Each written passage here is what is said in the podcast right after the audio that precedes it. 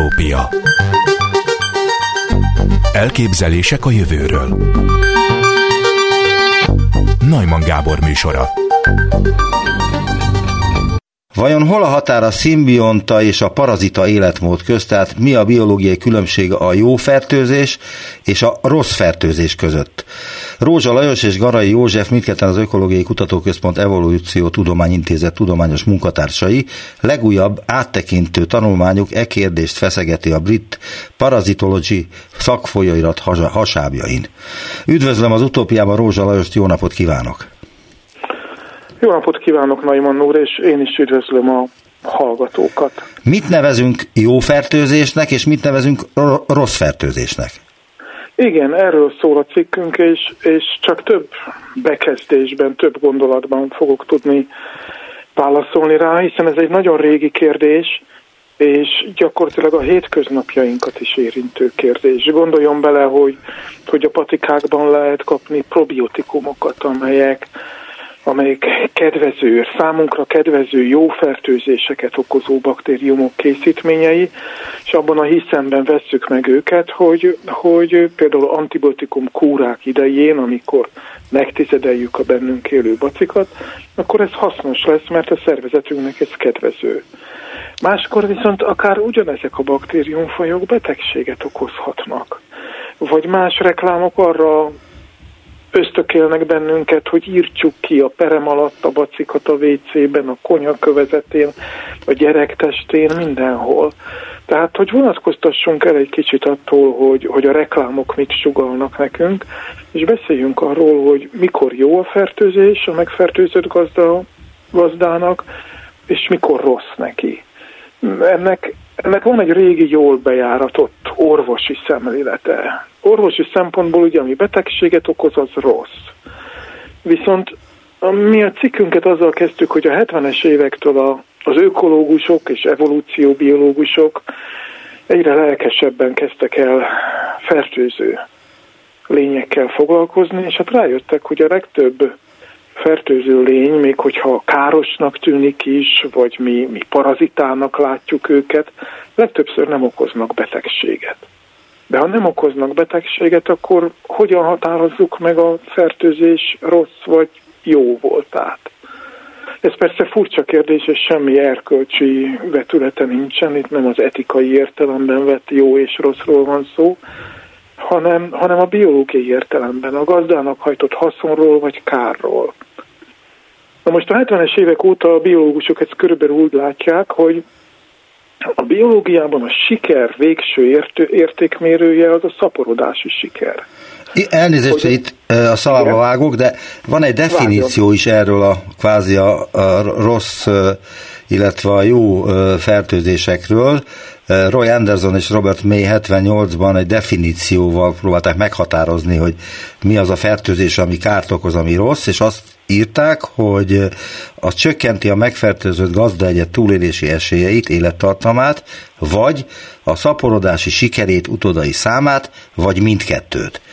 És ebből a cikkből kiderül, hogy önök a Garai József társával nem fogadják el ezt a definíciót, azt írják, hogy ez, ez nem teljesen korrekt. Miért? Talán nem is, azt, azt a kifejezést biztos nem használtuk. Nem, nem használták ezt, hogy korrekt, ezt én mondtam. Hanem tági, tágítottuk ezt, ezt a képet. Persze mindenki egyetért abba, hogy a evolúcióban, vagy a létért folyó küzdelemben, hogy egy régies kifejezést használjak, a szaporodási siker a döntő. Szaporodni pedig akkor lehet, ha a lény növekszik és túlél, megéri azt az életkort, hogy szaporodhasson. Mi, mi annyival színeztük ezt a 70-es évekből származó definíciót, vagy meghatározást, hogy felhívtuk a figyelmet arra nyilvánvaló és kézenfekvő dologra, hogy a biológia szerveződési szintek mentén szerveződik. Tehát párhuzamosan zajlanak folyamatok mondjuk a molekulák szintjén, a sejtek szintjén, az egyedek szintjén, a populáció szintjén, és mi arra jöttünk rá, talán először hívtuk fel erre a figyelmet, hogy, hogy egy fertőzés jó vagy rossz hatása a gazdák sikerére, az akár ellentétes irányú is lehet, ezeken a különböző szinteken, egymással párhuzamosan. A legegyszerűbb példa, amit mindenki ismer akár a hétköznapi tragédiákból is, az az, hogy vannak fertőzések, baktérium, vírus, vagy akár gombafertőzések, amelyek a megfertőzött emberi sejteket nagyobb túlélésre teszik képessé, nagyobb növekedésre teszik képessé, és élénkebb szaporodásra teszik képessé. A sejtek szintjén ez ugye sikernek definiálható, ugyanakkor a, a, a teljes emberi egyet számára ez egy tumorképződés, ez egy rákos daganat megjelenése, ami a, a halálomba kerülhet. Tehát ami a sejtek szintjén siker, az az egyet szintjén lehet kudarc. Na most ugyanígy mentünk tovább, további szerveződési szinteken. Megmutattuk, hogy hogyha egy fertőzés az egyedek túlélését és szaporodását elősegíti, vagy éppen hátráltatja, nem biztos, hogy azonos irányú hatása van. Az egyedek leszármazási láncolatából álló, tehát az ilyen szülő-utód kapcsolatokból álló hosszú láncolatok sikerére. Lehetségesek olyan fertőzések, sőt nyilván vannak is olyan fertőzések, amelyek mondjuk megrövidítik az életemet, csökkentik a termékenységemet, de a, a, az engem és utódaimat magába foglaló leszármazási vonal sikerére meg pozitív hatással vannak. Megtenni, hogy ezt megmagyarázza? Ez Igen, hogy, ez egy, tehát ez hogy egy, tud ez megnyilván, megvalósulni? Ez egy, ez egy paradoxonnak tűnik, egy ellenmondásnak tűnik. Hogy lenne a leszármazási vonalamnak sikere az, hogyha rövidebb ideig élek és kevesebbet szaporodok? Nos, ez úgy lehet siker, vagy úgy lehet pozitív hatása is, hogyha a lerövidült élettartam, az felgyorsult szaporodást jelent. Tehát mondjuk, ha egy lény két évig él, és a két év végén létrehoz négy utódot, az ugyanolyan siker, mintha csak egy évig él, de az egy év végén létrehoz fele annyi utódot. Tehát lehet, hogy rosszul mondtam, négy és kettő utódot akartam mondani. Igen, kettő, igen, igen. Illetve egy év végén, nem tudom, jól mondtam-e. Na mindegy, a lényeg tehát az, hogy az evolúciós siker az nem csak az utódok egyet számában nyilvánul meg, hanem abban a sebességben is, ahogy valaki létrehozza az utódok, az utódjait. Ha egyforma az utódjaink száma, akkor az a sikeresebb, aki gyorsabban hozta létre ezeket az utódokat. Ha tehát egy fertőzés lerövidíti a, az élettartamokat, de ezzel együtt felgyorsítja az egyedek szaporodását, az előnyös is lehet. Ez ellentétes, ugye az Anderson és May elképzelésével, hogy az egyedek számára hátrányos fertőzések, melyek csökkentik az élettartamukat és szaporodási esélyeiket, szükségképpen negatív hatással lesznek a gazdapopulációk egészére is, és erre írták ebben az új tanulmányban önök azt, hogy korán sem biztos ez, hogy ez így történik, vagy hogy ez eleve negatív lesz, mert egy azon fertőzés a különböző szerveződési szinteken egymással párhuzamosan egyidejűleg akár ellentétes irányú jó és rossz hatásokat is okozhat.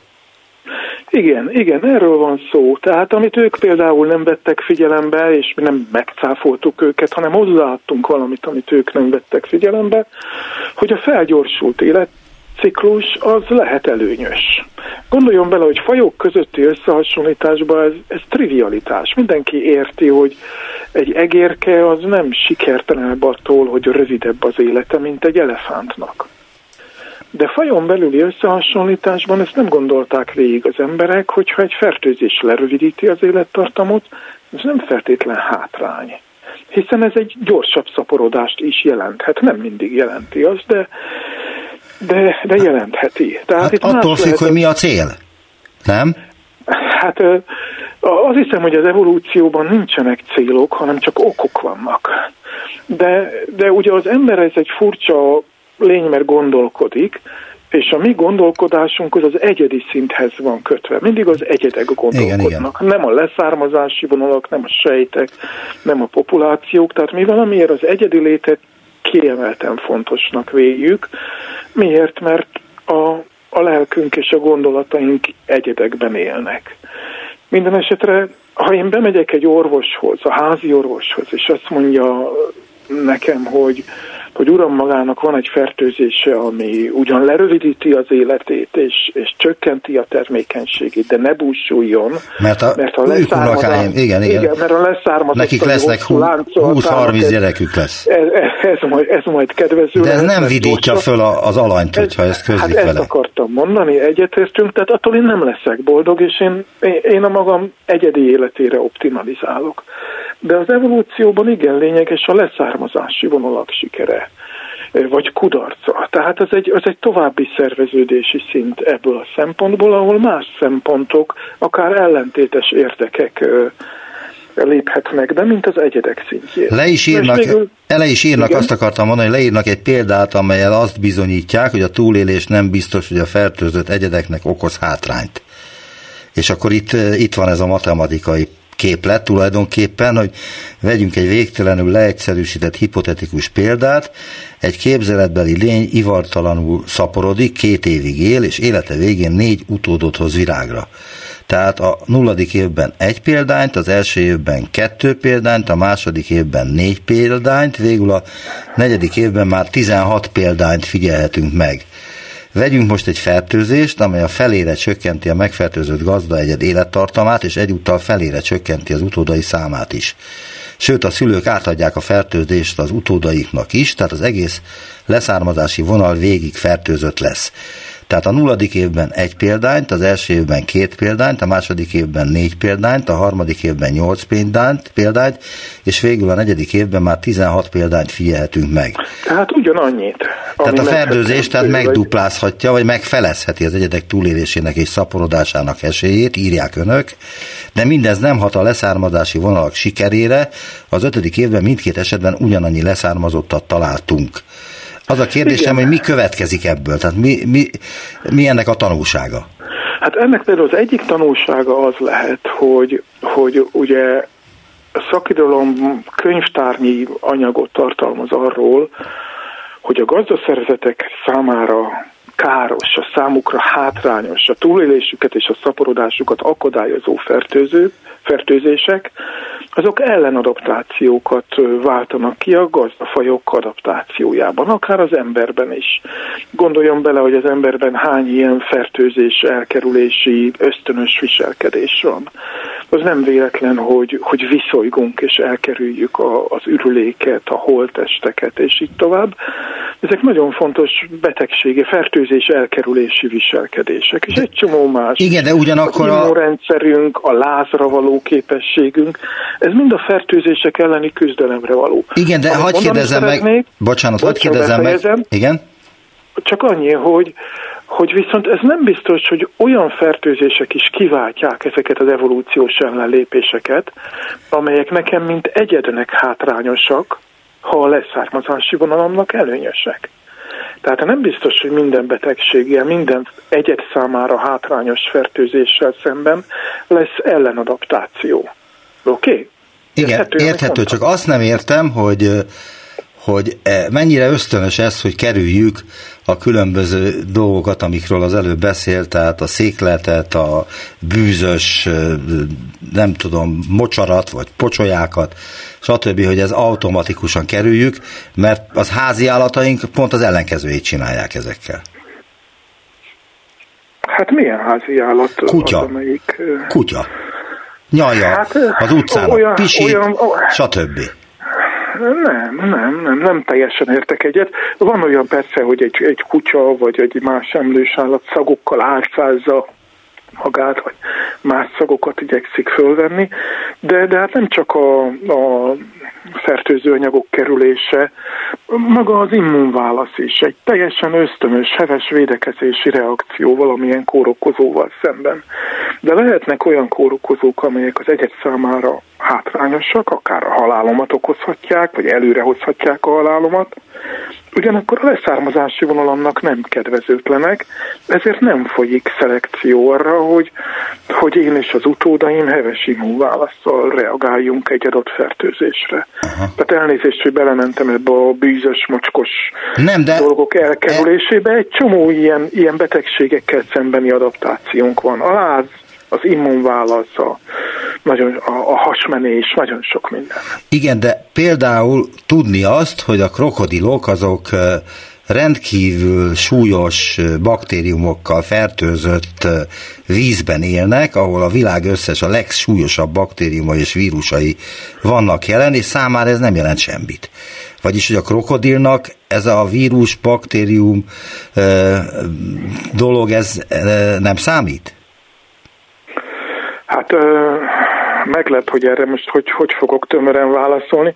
Nézze, ugyanabban a vízben, amelyikben a krokodil él, még ezerféle másik állatfaj él. Halak, madarak, békák, teknősök, és hát persze nagyon sokféle vírus és baktérium, de hát a, a hazai vizekben is ugyanígy, bár a trópusokon lehet, hogy ez súlyosabb. Egyszerűen arról van szó, hogy a szinte mindegyik kórokozó, vagy mondjuk egy mindegyik kórokozó az gazda specifikus. Van amelyik nagyon szűken, tehát mondjuk egyetlen krokodilfajt képes fertőzni, és van amelyik gazdafajok százait képes megfertőzni. De hát azért hiába él ezerféle vírus és baktérium, vagy sok ezerféle egy, egy trópusi vízbe, abból azért elég kevés van, ami pont a maga krokodilját meg tudja fertőzni. Hát mi is naponta fertőződünk rengeteg olyan kórokozóval, ami a kertben a fekete rigóból jön, az ablakpárkányon mászkáló házi légyből jön, rengeteg különböző fajból, és nem betegszünk meg tőle, mert nem emberre specifikus kórokozó. Mondjon egy olyan kórokozót, legyen szíves, amelyik káros a gazda szervezetre, vagyis rám nézvést, igen. De ugyanakkor a szaporodást a leszármazottaknak a számát illetően pozitív. Na, mondok, de, de előtte hadd fűzek hozzá egy pici mentegetőzés. Tehát ez egy, ez egy új szemlélet, amit a cikkünkben megpróbáltunk fölvázolni, és ezért ilyen szempontból, vagy erre kihegyezve eddig senki nem gyűjtött adatokat.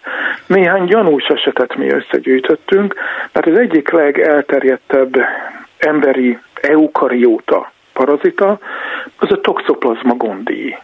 A toxoplazma gondii az, az macskákból képes emberre fertőzni, vagy mindestre macskák terjesztik a környezetünkben, és az emberben okozhat nagyon gyakran tünetmentes, néha ilyen náthaszerű enyhe tüneteket okoz, de sokszor skizofréniát okoz, ami súlyos probléma, növeli például a közlekedési balesetek gyakoriságát a megfertőzött emberekben, tehát vannak adataink arra, hogy, hogy az emberi létet veszélyezteti. Ugyanakkor miért ez jó ez a szaporodásomat illetően? Mindjárt mondom. Igen? Azért, mert képzelje el, hogy a toxoplazma fertőzések szexuálisan vonzóbbá teszik az embereket a fertőzött emberek arcát szebbnek látjuk.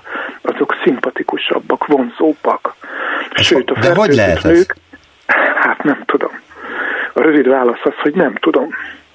Ezek, ezek De azt, friss, azt tudja... Friss vizsgálati tények. Egy példát kért, én pedig mondtam egyet. Az sem biztos egyébként, hogy a szexuálisan vonzóbb embereknek több utódja lesz utána, de ez egy gyanús eset, hogy a toxoplazma kicsit veszélyezteti az emberek életét, de egy kicsit vonzóbbá teszi őket szexuálisan. Tehát gyanús, hogy, hogy De ezt hogyan jöttek erre rá a tudósok erre? Hát nézze, elég régóta voltak az első olyan eredmények, hogy a fertőzött nők egy picit kihívóban, és egy nagyon kis különbségekről van szó, picit kihívóban viselkednek, mostanában pedig olyan cikkek jelentek meg, ahol tudja, vannak ilyen számítógépes arckép szerkesztő szoftverek, ahol mondjuk tíz ember arcát lehet átlagolni, és rendre azt az eredményt kapják, akik ezzel kísérleteznek, hogyha fertőzött emberek arcát átlagoljuk, akkor azok vonzóbb arcok lesznek, mint ha nem fertőzött embereké. Tudjuk azt, hogy a vonzóságot mi idézi elő? Nem, nem tudom. Nem, nem tudom. Ezek szubjektív értékítéletek. De akkor is hát általános, mert hogyha mindenki több ember számára vonzó a fertőzött egyed, akkor ennek valamilyen objektív oka is van, nem csak szubjektív. Így van, de ezt nem, ezt nem ismerjük. Ezt nem ismerjük.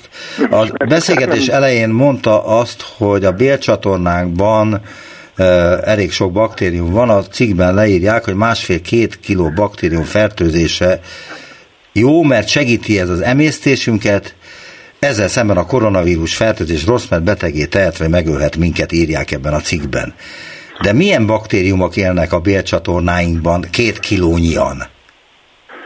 Hú, hát én nem fogom tudni most a, nem, csak úgy körülbelül a neveket fel, felsorolni. Nem, nem, nem ez egy nagyon, faj, nagyon fajgazdag, komplex együttes, a legfajgazdagabb az a, az a bélcsatornánkban, de sokféle baktérium él a, a tüdőnkben, légutainkban, a bőrünkön, a nemi szerveink felületén, és, és ezek, ezek vagy teljesen neutrális, semleges fertőzések, vagy nagyon pozitív fertőzések. Tehát például ezek megvédenek minket káros baktériumfajoktól. Magyarán őrt állnak a, a betegség okozó fajok behatolása ellen. Tehát ezek szimbióta igen, paraziták, igen. vagy szimbióta? Nem, hát szimbionták. Szimbionták. Mondhatjuk, hogy szimbionták, igen. Aha. Tehát számunkra egyedi létünk, de talán más, más formában is, vagy más szerveződési szinteken is létfontosságú hasznos partnereink. Nem tudnánk a testünkben élő baktériumok nélkül tartósan egészségesek maradni. Tehát azt meg lehet állapítani egy laikus számára, aki én vagyok, meg a hallgatóink egy része, hogy, hogy egy bármilyen baktérium vagy vírus, az lehet jó is, vagy lehet rossz is, lehet, hogy mi úgy könyveljük el, hogy most rossz, de idővel jóvá válhat, tehát hogy nem lehet eldönteni azt, hogy egy baktérium, vagy egy vírus, vagy egy ilyen kis egysejtű, az milyen kárt okoz egy gazdaszervezetben, vagy mennyi hasznot hoz neki. Hát amelyiknek nagyon durva hatása van, azt lehet eldönteni. Hát például mondok egy, mondjuk a mondok pestis kórokozóját, vagy a lepra kórokozóját. Igen, tehát a, a legendás nagy betegségek kórokozóit persze, de, de mondok egy példát, itt van a, a kolera baktérium. Igen. Az is nagyon furcsa, mert mert megfertőzi az embert, elkezd lassan egy ilyen teljesen semleges, semmilyen hatást nem mutató, lassú-lassú szaporodásba az emberi bélcsatornában. Egy ilyen tök fölösleges és hatástalan tagjaként beilleszkedik a bélcsatornánk baktérium flórájába. De ahogy, ahogy ő lassan-lassan szaporodik, ők kommunikálnak egymással. A kommunikációjuk pedig hát egyetlen kérdésre vonatkozik, hogy vagyunk-e már elegen. Ugye ezt egy quorum sensingnek hívják a, a római quorum kifejezésből, tehát, tehát ők, ők kommunikálnak egymással arról, hogy mennyien vannak már. Aha. És egyszer csak elérkezik egy pillanat, amikor, amikor rá ö, eszmélnek, hát most ezt három idézőjelbe mondtam, tehát amikor id- információt kaptak arról, hogy most már sokan vannak. És akkor egyszerre mind bekapcsolják egy génjüknek az aktivitását, amit addig inaktívan tartottak, és ez a gén elkezd egy toxint termelni, egy durva mérget a bélcsatornánkba, és akkor egy, egy közel halálos ö, tünetekkel állnak elő.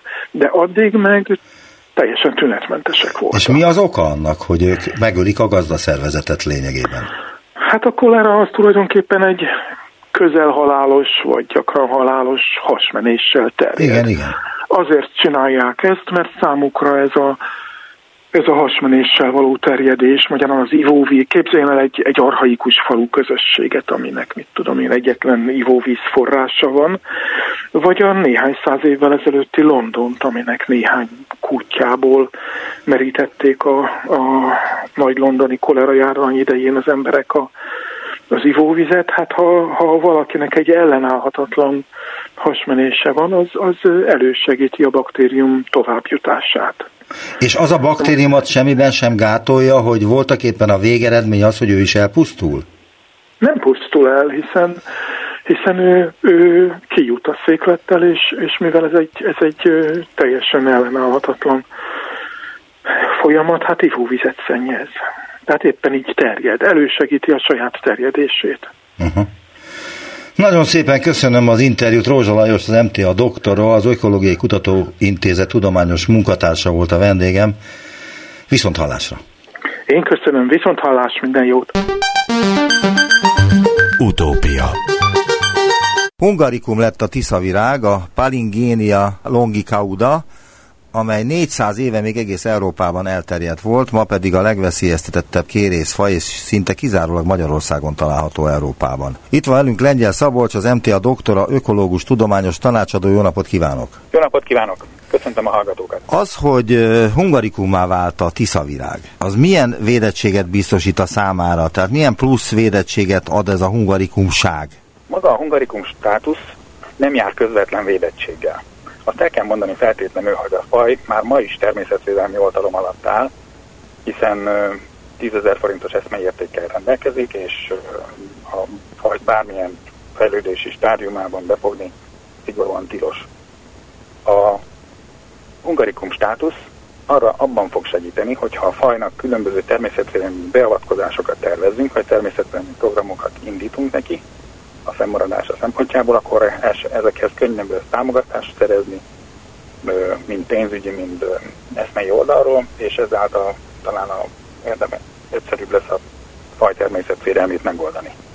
A másik dolog, ami, ami nagyon fontos, az az, hogy a, a faj sajnos a legutóbbi felmérések alapján tovább fogyatkozik.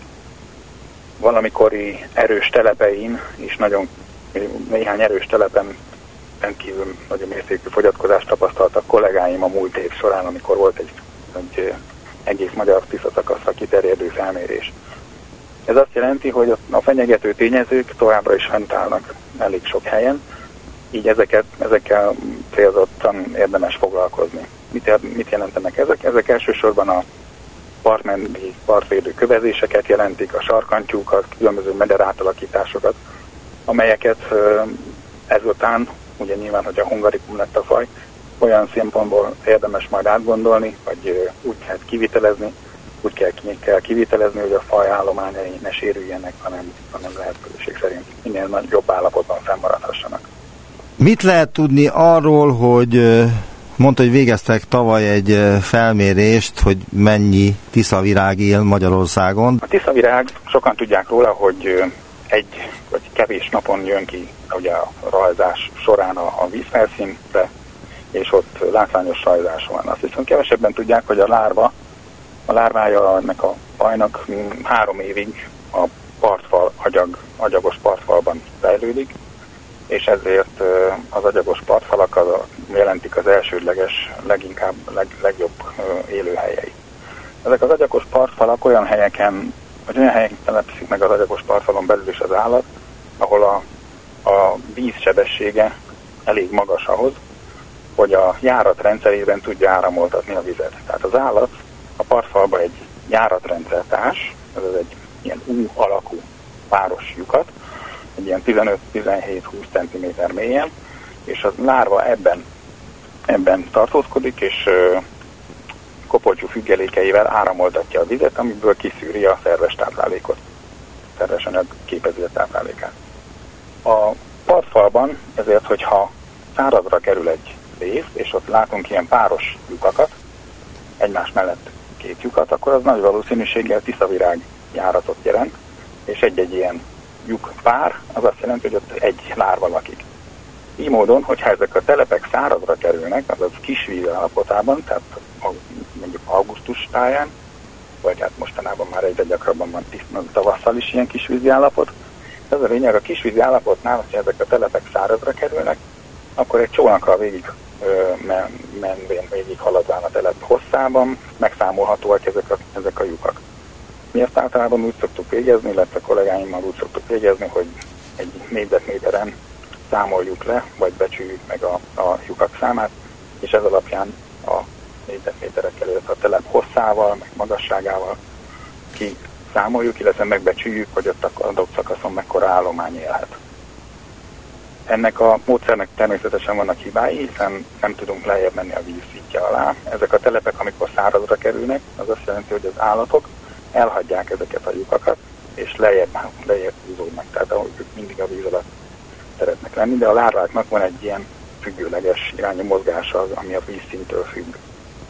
Ugyanakkor a, amiatt a víz, felett látunk, azért azt el lehet mondani, ez valószínűleg erősen összefügg azzal a számmal, amennyi a víz felszíne alatt lehetséges.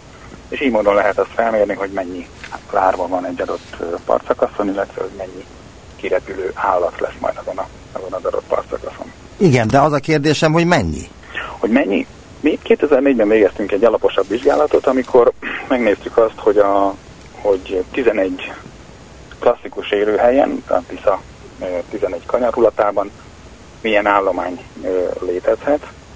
És itt azt tapasztaltuk, hogy a, ugyan nagyon elég nagy volt a szórás, de egy adott partszakaszon egy ilyen egy-két kilométeren több milliós állománya lehet a fajnak. Több millió egyed élhet egy-egy, egy-két kilométeren is, az ilyen nagyon erős ö, telepeken, amik nagyon erős, ö, jó sűrűségű telepek, amik általában ilyen szakadó partoknál alakulnak ki. Ez egy rovar, ugye a tiszavirág? Igen, a, a tiszavirág egy kérész. A kérészek együtt a, az ákérészekkel, illetve tegzesekkel és egyéb más rovarrendekkel az egyik legősibb ö, leágazása a rovar, rovarok törzsfejlődésének. Ezért azt lehet mondani, hogy egy nagyon ősi rovarcsoportról. És akkor miért lehetséges az, hogy a tiszavirágnak még sincs bába állapotja? Hát ez egy érdekes kérdés. A, a kérészeknél nagyon gyakori az, hogy hogy több lárva stádium követi egymást, és kimarad a bábállapot, és így módon a, a, egyből az imágó, vagy a szubimágó alakul, alakul ki. Tiszavirágnál ugye azt el kell mondani, hogy a, a, a hímek szubimágóból szumibágóvá vedlenek a vízfelszínen, amikor feljönnek, és utána kirepülnek a növényzetre, és ott imágóvá vedlenek, az a teljes kialakulás lesznek, míg a nőstény, nőstényeknél az az érdekesség van, hogy ők a vízfelszínen vedlenek, de ők szubimágóvá vedlenek, és nem alakul ki náluk az imágó állapot. Úgyhogy ez is egy érdekesség a, a, a fajnak. Milyen szerepük van a mi ökológiai rendszerünkben? Mennyire fontos szereplői a magyar élővilágnak? Erre célzottan vizsgálatok nincsenek, de a többi kérészfajjal kapcsolatos megfigyelések alapján azt lehet valószínűsíteni, hogy nagyon jelentősek a folyók anyagforgalmában és energiaáramlásában. Már csak pusztán tömegüknél fogva is. Tehát, hogyha elképzelünk egy 1-2 kilométeres partszakaszt, amin esetleg adott esetben több millió rovarlárva él, akkor ez el kellett képzelni, hogy mekkora szerepet játszik például a, a folyóknak a tisztulásában, ugye ez az összes lárva mind a szerves anyagot szűri ki a vízből, tehát így módon tisztítja a vizet, hozzájárul a víz tisztulásához. Másrészt pedig azt kell hangsúlyozni, hogy a lárva a élete kezdeti szakaszában, az első néhány lárva stádiumban még nem ás lyukat. Azaz a partfalban, a, vagy a partfal alján, az alzat alján ilyen törmelékes, agyagos közegben létezik, és ott nagyon fontos, hogy a, a, a halak elérik őket. És a halak felvehetik őket, mint táplálékot, és ezért nagyon fontos haltáplálékként is a, a tiszavirág. Egyes vélemények szerint köze lehetett a tiszavirágnak annak, a, hogy a középkori utazók szerint ugye a Tisza annak idején két, egy rész víz volt és két rész hal. Úgyhogy ezt gyakorlatilag ezt az óriási halbőséget, ami a Tiszát valaha jellemezte, még a szabályozások előtt, ezt ennek legalább egy kis részben a tiszavirág is, is oka lehetett, mint haltáplálék. Ön is egyetért azzal az elgondolással, hogy az egész Tisza szabályozás az egy elhibázott ökológiai lépés volt, és nem kellett volna megtenni?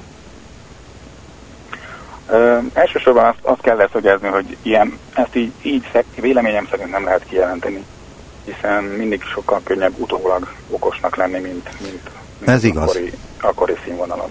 Igen, de a tudomány az, a tudomány az nem így értékel. Hogy... Tehát a tudomány számára az tök mindegy, hogy mikor történt a felfedezés, 500 éve vagy most. Természetesen. Természetesen. De a folyószabályozások idején, amikor ezeket kidolgozták, akkor is ugye elvileg két koncepció versengett egymással, a, az egyik koncepció az, az volt, hogy a folyót minél jobban beszorítsuk gátak közé, és minél nagyobb termőterületet ö, szabadítsunk fel ezáltal. A másik koncepció pedig az volt, hogy inkább hagyunk a folyóknak szélesebb teret, és ezáltal egy szélesebb hullámteret, ahol az árvíz jobban szét tud terülni, és kevesebb mezőgazdasági terület maradjon. De ez a két koncepcióból az előbbi került ki győztesen, és így, így módon aztán a gátak közé szorították a folyóinkat, nem csak Magyarországon, hanem sok más helyen is Európában, de utólag ugye ezt nehéz eldönteni, hogy, hogy akkoriban melyik volt a, a jobb, nyilván akkor a, a gazdasági haszon felülírt minden ilyen gondolatot, illetve hát akkor még nem volt, nem gondolkoztak természetvédő szemmel a, a, az akkoriak. De ezek, ezért nem lehet őket elítélni, nem lehet a, a koncepciót elítélni, hiszen, hiszen ez az egész gondolat gyakorlatilag csak utána alakult ki. Ami a... De igaz -e ez a gondolat? Tehát igaz-e az a gondolat, hogy az a vásárhelyi féle tisza szabályozás eleve egy elhibázott koncepció volt, holott akkor még nem tudták, hogy ennek milyen bajai lesznek, de most már tudjuk. Így van, így van. Igazából az idő eldöntötte valószínűleg ez a 150 év, ami eltelt a folyószabályozások óta, hogy, hogy a, a nyilván ők nem láttak ennyi időre el, el, előre, de, de eldöntötte, azt látszik az eredményekből, a, a megfigyelésekből, hogy egészségesebbek lennének a folyóink, hogyha kicsit nagyobb hullámteret tudtunk volna nekik hagyni, vagy egy meghaladtuk volna nagy, jobban, nagyobb mértékben a természetes vízhozamukat, dinamikájukat, kanyarulataikat, és így tovább. Úgyhogy azt el lehet mondani valóban, hogy ez a koncepció manapság már eléggé felülvizsgálatra szorul. Mondok még egy érvet, elnézést. Elnézést, a műsorban hangzott el ezelőtt hónapokkal talán, egy vízügyes kutatóval beszélgettem, egy akadémikussal, és ő mondta azt, hogy itt nem csak ez a baj, hogy itt a folyóink azok hogyan viselik el ezeket a szabályozásokat, hanem hogy az egész Kárpát-medencének a belsejéből levezetik nagyon hamar a vizet, és most, amikor jön a szárasság, ezért kiszárad, szikessé válik a talaj. Uh-huh. Igen, ez egy nagyon fontos probléma. A mai nap, manapság már elég sok, hogy mondjam, sokan beszélnek erről, sokan felismerték azt, igen, hogy a, gyakorlatilag ami Magyarországra vízmennyiség befolyik, és amennyi kifolyik, ez a, a, a szaldó negatív, azaz több folyik ki, mint amennyi befolyik Magyarországra. Ez sok szempontból hátrányos Magyarországra nézve, főleg ugye a, a talajainknak a vízháztartása szempontjából, illetve a, a klímaváltozás szempontjából mindenképpen fontos lenne az, hogy, hogy a víz visszatartáson gondolkozzunk.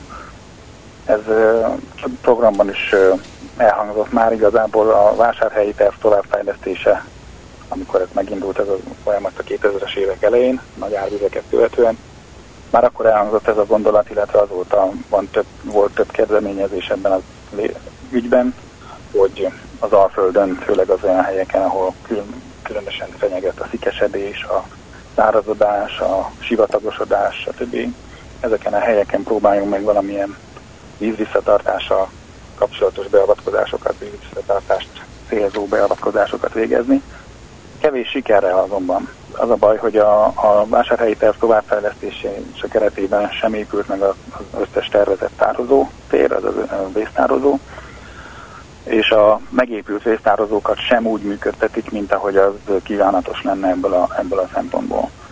Úgyhogy a, a, azt lehet mondani, hogy ez a gondolat ez tovább kell, hogy érjen, és például vannak kezdeményezések ebben, ezzel kapcsolatban, például a Tiszar medencében is, a Tiszavölgyben is, hogy néhány kis projektet bele lehetne indítani ahhoz, hogy demonstráljuk azt, hogy, hogy a vízvisszatartásnak milyen előnyei lehetnek, ugyanúgy úgy, mint a lokális mezőgazdasági termelésre, a természetvédelmi értékek, természetértékek fennmaradására, és így tovább, és így tovább. Azért vetettem ezt fel, gondolom, hogy ez kapcsolatba hozható a tiszavirággal és a tiszavirág életterével, mert, mert a holtágakban nem élnek a tiszavirágok? Holtágakban nem élnek tiszavirágok, mert a, fontos nekik a vízáramlása. Tehát amit elmondtam, hogy a, a lárvák alapvetően szűrő táplálkozást folytatnak a, a járataikban, ezért nekik folyamatosan kell a vízáramlás. Laboratóriumi vizsgálataink vannak arra vonatkozóan, hogy elég jól elélnek a lárvák adott esetben állóvízben is, de ezek csak ilyen hetek, hónapokra vonatkozik, tehát ez nem biztosítja az állománynak a hosszú távú, akár évtizedes skálán mérhető fennmaradását. Ebből a szempontból ezért a, a holtágak kevésbé jönnek szóba a holtmedre. Így a, a folyónak gyakorlatilag a természetes vízhozamát kellene jobban biztosítani, illetve a partvédő kövezés az, ami nagyon jelentős veszélyeztető tényező. Egy vizsgálatban azt találtuk, hogy a, azokon a helyeken, ahol partvédő kövezés van, ott fele annyi lárva kell ki a rajzás során, mint a, azokon a helyeken, ahol nincsen ilyen partvédőkövezés. Ebből a szempontból tehát fontos az, hogy a partvédőkövezés csak ott, a, csak ott legyen létjogosultsága csak a partvédőkövezésnek, ahol, ahol az tényleg indokolt, és ahol kevésbé fenyegeti a tiszavirág lárvák fennmaradását. A tiszavirág fennmaradását elsősorban ezek a beavatkozások, illetve ezeknek a szakadó partoknak a fenntartása, fennmaradása befolyásolhatja elsősorban. A jelenkorban, a jelenleg az egyik legnagyobb veszély az az, hogy a, éppen fura módon az, hogy az árvizek elmaradtak. Ugye a nagy árvizek óta, 2000-es évek elején nagy árvizek óta nem voltak jelentős nagy árvizek a Tiszán, amelyek azt okozhatták volna, hogy a szakadó partok megújulnak. Ha nincsenek árvizek, akkor a szakadó partok azok suhadással, stb. megsüllyednek, becsúsznak, becsúsznak a, a folyóba, szépen lassan meghorítja őket a növényzet, illetve a víz alatt pedig iszap halmozódik fel, az a homok, hordalék, iszap felhalmozódás indul meg, ami a tiszavirág lárvák megtelepedését lehetetlenné teszi. Ezáltal, hogyha van egy feliszapolódás, akkor gyakorlatilag az árvák nem tudják a járataikat a kemény partfalba befúrni, és így módon eltömeszeli a, a, a, a lárvák járatait, és ezzel esetleg be is fullaszthatja őket, mint ezt tapasztaltuk is pár helyen. Tehát az érdekes az, hogy vagy a fontos az lenne, hogy a, hogy a szakadó partoknak ezt a dinamikáját, ami a természetes vízjárással függ össze, illetve azzal, hogy a sodorvonal, tehát ahol a víz a leggyorsabban folyik a folyóban, az minél közelebb legyen a parthoz, és ott ezt a természetes felújulását, szakadópartok képződését, vándorlását esetleg, ezeket fenntartani, ezeket a természetes folyamatokat. Ez lenne az, ami, ami a tiszavirág állományt a leginkább kedvezőbben, kedvezően érinthetné. És hogy egy fontos láncszeme az ökológiai rendszerben a tiszavirág, és ha az megszűnik, akkor, akkor mi van, ha teljesen kipusztul? azt lehet mondani, hogy ha a tisztavirág eltűnik, akkor, akkor ugye egy nagyon jelentős haltáplálék eltűnik, tehát a tiszának a, a, a, a mai viszonylagos halbősége ugye ez megszűnik, illetve hát maga a szerves anyagterhelés bejátszott szerepük is e, kiiktatódik ezáltal, tehát gyakorlatilag így el, eltűnne ez a, ez a nagyon fontos ökoszisztéma szolgáltatás. Ugye az, hogy a tiszavirágok gyakorlatilag azt a szolgáltatást végzik nekünk, hogy tisztítják a vizet hogyha ez az ökoszisztéma szolgáltatás eltűnik, akkor az újabb jelentős költségeket ró a, a, a, a társadalomra, hiszen, hiszen azáltal a tiszta vizet kell, nekünk kell magunknak előállítani, és ezért ez egy, ez egy fontos költség lehet a jövőben. Mikor van pontosan a tiszta virágzás? Úgy tudom, hogy június elején szokott lenni. Június elején szokott indulni a Tisza alsó Magyar, magyarországi szakaszán, Szeged környékén. Úgy hallottam kollégáimtól, hogy már meg is figyeltek pár egyedet rajzani nem olyan régen, a napokban, Szeged környékén, és onnan szokott fölfelé haladni a folyás irányával szemben, és olyan két hét, három hét alatt ér a felső tiszai élőhelyekre, amiknek így a rajzási időpontja olyan június harmadik hetére tehető körülbelül. Honnan tudják a kérészek, hogy mikor kell nekik kirepülniük? Nagyon jó kérdés. Igazából ezt erre már rengeteg hipotézis született, rengeteg elképzelés született ennek magyarázatára, de... Várjunk csak annyit még megjegyeznék, hogy ez azért is fontos, mert a, tisz, a kérészek egy adott helyen egyszerre repülnek ki, ugyanabban a pillanatban lényegében. Igen, a klasszikus rajzások azok úgy, úgy szoktak zajlani, hogy egy-két nap van, amikor van egy előrajzás, ezt követi a főrajzás, amikor az tényleg a leglátványosabb repülés van, és amikor a legtöbb állat jön ki, majd ezt követi egy utórajzás, amikor megint csak nagyon kevés állat jön már ki. Tehát van egy olyan nap, hogy maximum kettő olyan nap, amikor tényleg az egész állomány egy adott, adott szakaszon szinte az egész állomány kijön, és uh, rajzik, és ez, ez, ez, ez az a közismert látványos tiszavirágzás. Az elmúlt években azonban kollégáim azt is megfigyelték, hogy ez a, ez a, ez a mintázat, ez a, kezd, kezd kicsit szétcsúszni. Abban a tekintetben, hogy az előrajzások is gyengék, a főrajzás is gyenge, vagy esetleg eloszlik több napon át, és utána az utórajzások is gyakorlatilag egy kevésbé megkülönböztethető egymástól az elő, az utó és a főrajzás. Ez, az, ez azért nagyon fontos dolog, mert a tiszavirág tipikusan az a faj, amelyik a tömegben az erő elvet elv alapján, ugye a nagy tömeg azért fontos nekik, hogy a, amikor kijön ez a rengeteg állat, akkor a ragadozóikat úgymond telítik. Tehát ott van egy csomó hal, ott van egy csomó madár, amelyik mind-mind ilyenkor tiszavirágot eszik. Még olyanok is, amik amúgy nem esznek ilyen, ilyen, ilyen rovarokat. De ennek ellenére, ugye, hogy egyszerre nagy tömeg jelenik meg, az azt is jelenti, hogy a ragadozók ilyenkor telít, gyorsan telítődnek, és az állomány jelentős része sikeresen tud szaporodni, és uh, utána aztán uh, megfelelő állomány nagyságot tud elérni. A tiszavirág ezért függ attól, a tiszavirág, vagy egy csomó másik faj is egyébként a természetben, függ attól, hogy a milyen számban jelenik meg. Hogyha ez a szám nem túl nagy, akkor az azt jelenti, hogy hogyha eloszlik a rajzás több napra, az azt jelenti, hogy akkor a ragadozók minden nap megesznek mondjuk, nem tudom, a 1 millió agyad van egy adott szakaszon, akkor a 1 millió eloszlik mondjuk 10 napra, akkor ugye 100 ezer van, a ragadozók minden nap megesznek 50 ezeret, az azt jelenti, hogy akkor csak 50 ezer az, ami egy napon tud szaporodni. Míg hogyha az 1 millió egy nap jön ki, és a ragadozók megesznek 50 ezeret, akkor ugye 950 ezer marad, tehát akkor sokkal több tudna szaporodni. És az, hogy az, a rajzás így eloszlik időben, és nem egy nagy főrajzás van, az ilyen veszélyeket rejthet magában. Tehát azt nem tudom, mennyire lehet ezt követni, amit mondtam, tehát azt lehet összefoglalva mondanám, hogy fontos az, hogy egy nagy rajzás legyen, mint hogy több kicsi eloszva, eloszolva időben. Köszönöm az interjút Lengyel Szabolcs, az MTA doktora, ökológus, a GINO fenntartható ökoszisztémák csoport, DKI konzerváció, ökológia kutatócsoport, tudományos tanácsadója volt az utópiában. Még egyszer köszönöm Nagy. az interjút, viszont hallásra. Nagyon szépen köszönöm a figyelmet és a türelmet és a megkeresést. Köszönöm, köszönöm szépen. szépen. Minden jót. Visszaértünk a jelenbe. Neumann Gábor utópia című műsorát hallották.